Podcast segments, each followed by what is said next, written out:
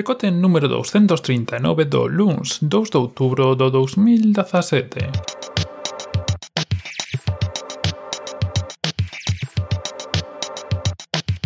Bos días e benvidos, benvidas a este novo decote, a esta nova edición, a primeira de outubro, este mes tan sinalado para min, xa que o ano do San Froilán aquí en Lugo, e no medio de San Froilán está a celebración grande que é o meu cumpleanos, así que, se si vos dispoñedes a felicitar ou enviar agasallos, podes poñervos en contacto comigo que vos facilito unha dirección. Que sei que sodes moi dados a estas cousas, así que non vos cortedes, que que mellor época que esta para facer agasallos.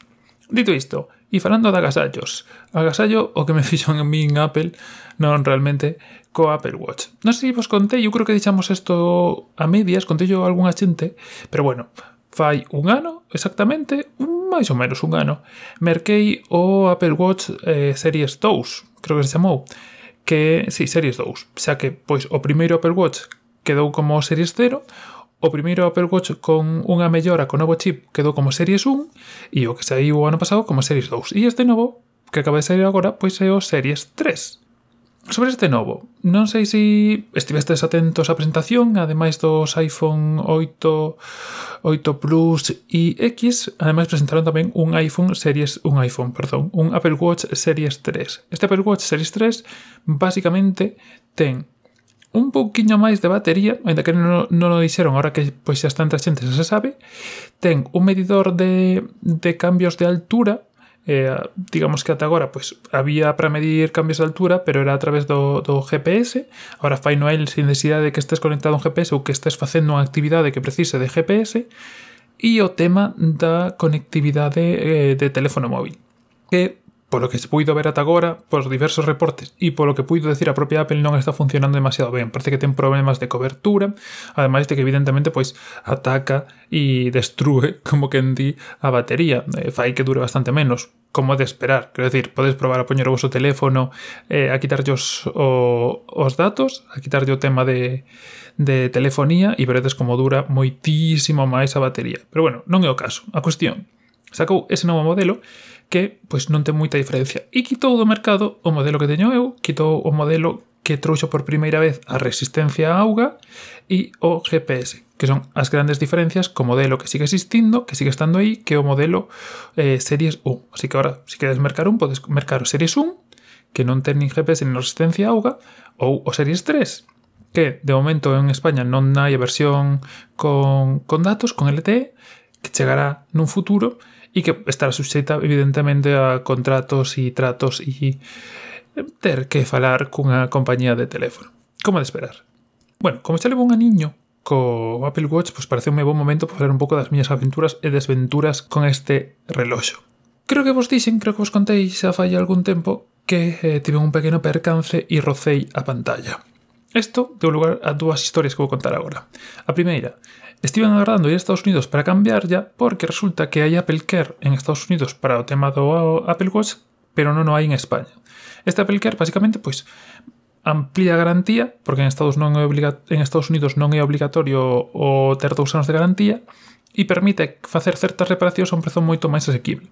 Por exemplo, no caso de daños de pantalla, sempre que só sexan o cristal, non sexan o interior, permite facer a reparación por 60 ou 70 euros, máis, evidentemente, pois, o que pagues polo Apple Care.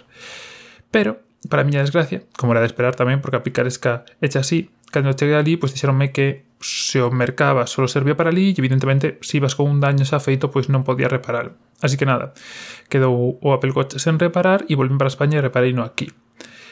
Que pasou eh, cando cheguei aquí? Pois basicamente tiven que ir a pedir un orzamento que moderon, que foi a friolera dos 170 euros, se si non me equivoco, que lle chega bastante, enviou, enviou Apple Watch a, a reparar e volveu de volta. Así que teño o Apple Watch xa sin pantalla rota, en que un precio de, de escándalo. Por certo, estando nos Estados Unidos, para que vexades o que cambian as cousas eh, cun vuelo de por medio, atopamos, e a miña irmá mercou un Apple Watch moitísimo máis barato do que aquí. Xa non só pola diferencia euro-dólar, que tampouco é exagerada, creo que ao final era un 3% de diferencia, porque tens que ter en conta pois que no momento en que fomos, o dólar estaba... Eh, era favorable, o sea, o cambio era favorable para nós nun 12%.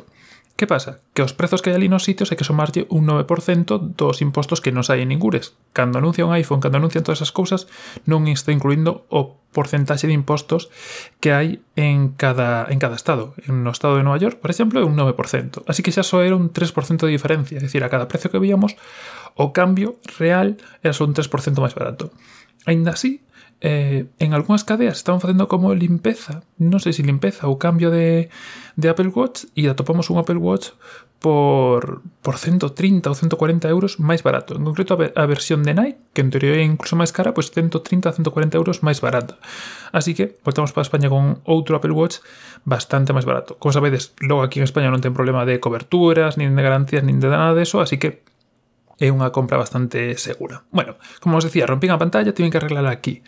Que foi o seguinte que fixen? Pois evidentemente buscar algo para protexela para, non, para que non se volvese a romper, porque senón eh, iba a quedar rota xa de por vida.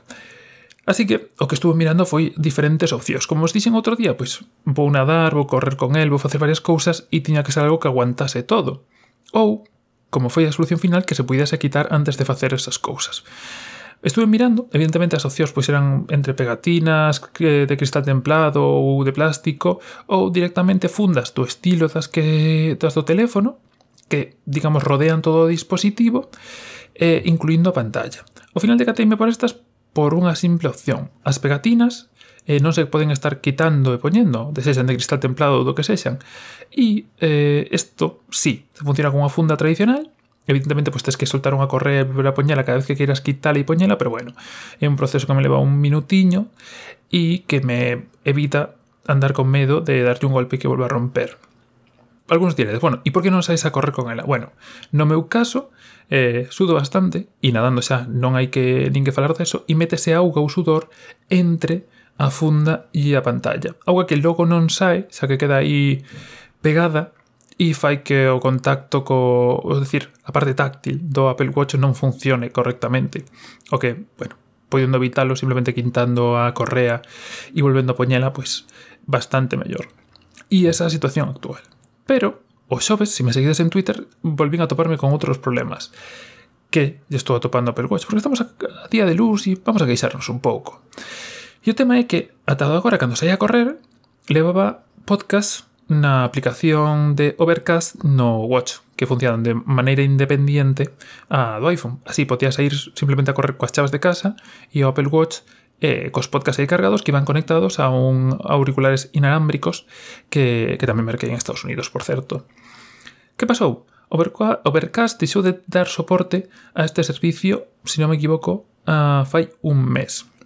Overcast que que a aplicación de podcast de Marco Armen, que xa sabedes que é un destos gurus tecnolóxicos e de Apple e de ellos, pois parece que non está moi contento co soporte que lle están dando a, a poder pasar música, a poder pasar cousiñas do iPhone ou Apple Watch e pois decidiu quitar deixar de dar soporte a esta opción. Co que nos quedamos sin ninguna soa opción, polo que estuve vendo, de poder escoitar podcast no Apple Watch sin falarse, claro, de que a opción nativa, a aplicación propia de Apple, xa nin por asomo, se está chegando a estos, a estos lares, así que estamos bastante fastidiados. A única opción que queda, en caso de querer escoitar podcast, é transformar o podcast en música ou en un formato similar que admita iTunes e a partir dunha lista que fagas en iTunes que se sincronice co Apple Watch. Evidentemente, pois é unha tortura pouco útil, nada sinxela, que non merece a pena. Así que ahora mismo, si quero sair a correr co Apple Watch, todo o que me queda é crear unha lista de música e pasala ao Apple Watch. Que por certo tampouco é un proceso demasiado sinxelo, xa que, que, para pasar a lista de música ao Apple Watch tes que ter o Apple Watch conectado ao cargador e con e con un porcentaxe, no, simplemente conectado ao cargador.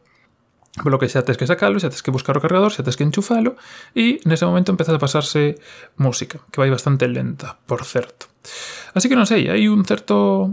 Hai un certo, non, teño un certo descontento con estas cousiñas, evidentemente, pois eh, os derroteiros polos que está indo o Apple Watch xa son bastante diferentes os que se podían esperar no momento. Eh, aplicacións non están saindo prácticamente ningunha, salvo puntos contados como Strava ou similares, que decirte que pois moitas aplicacións que se lanzaron a crear a súa pequena parte dentro do Apple Watch xa están retirando ou a retiraron, eh, aínda que, pois como decíamos ao principio, ou como decíamos cando falamos do Apple Watch, se reciben todas as notificacións, non todas as aplicacións permiten interactuar con estas notificacións ou facer cousas desde Apple Watch.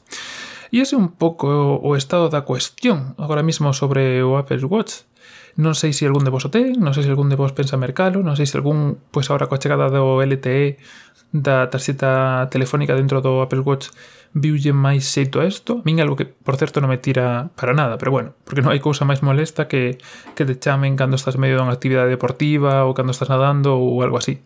Pero bueno, en teoría, cando empezas unha actividade deportiva desactivase todo o tema das chamadas. Así que, por lo menos por aí, está ben pensado todas formas, evidentemente non me, non me arrepinto da súa compra, estou dando moito uso, máis como reloxo deportivo como como outra cousa, pero bueno, está aí o tema de que, de que do GPS de que se poida sumersir e o tema de que conta as pulsacións e que reciba todas as notificacións e permita certa, certa interacción con elas, pois eu creo que de momento están valendo o seu.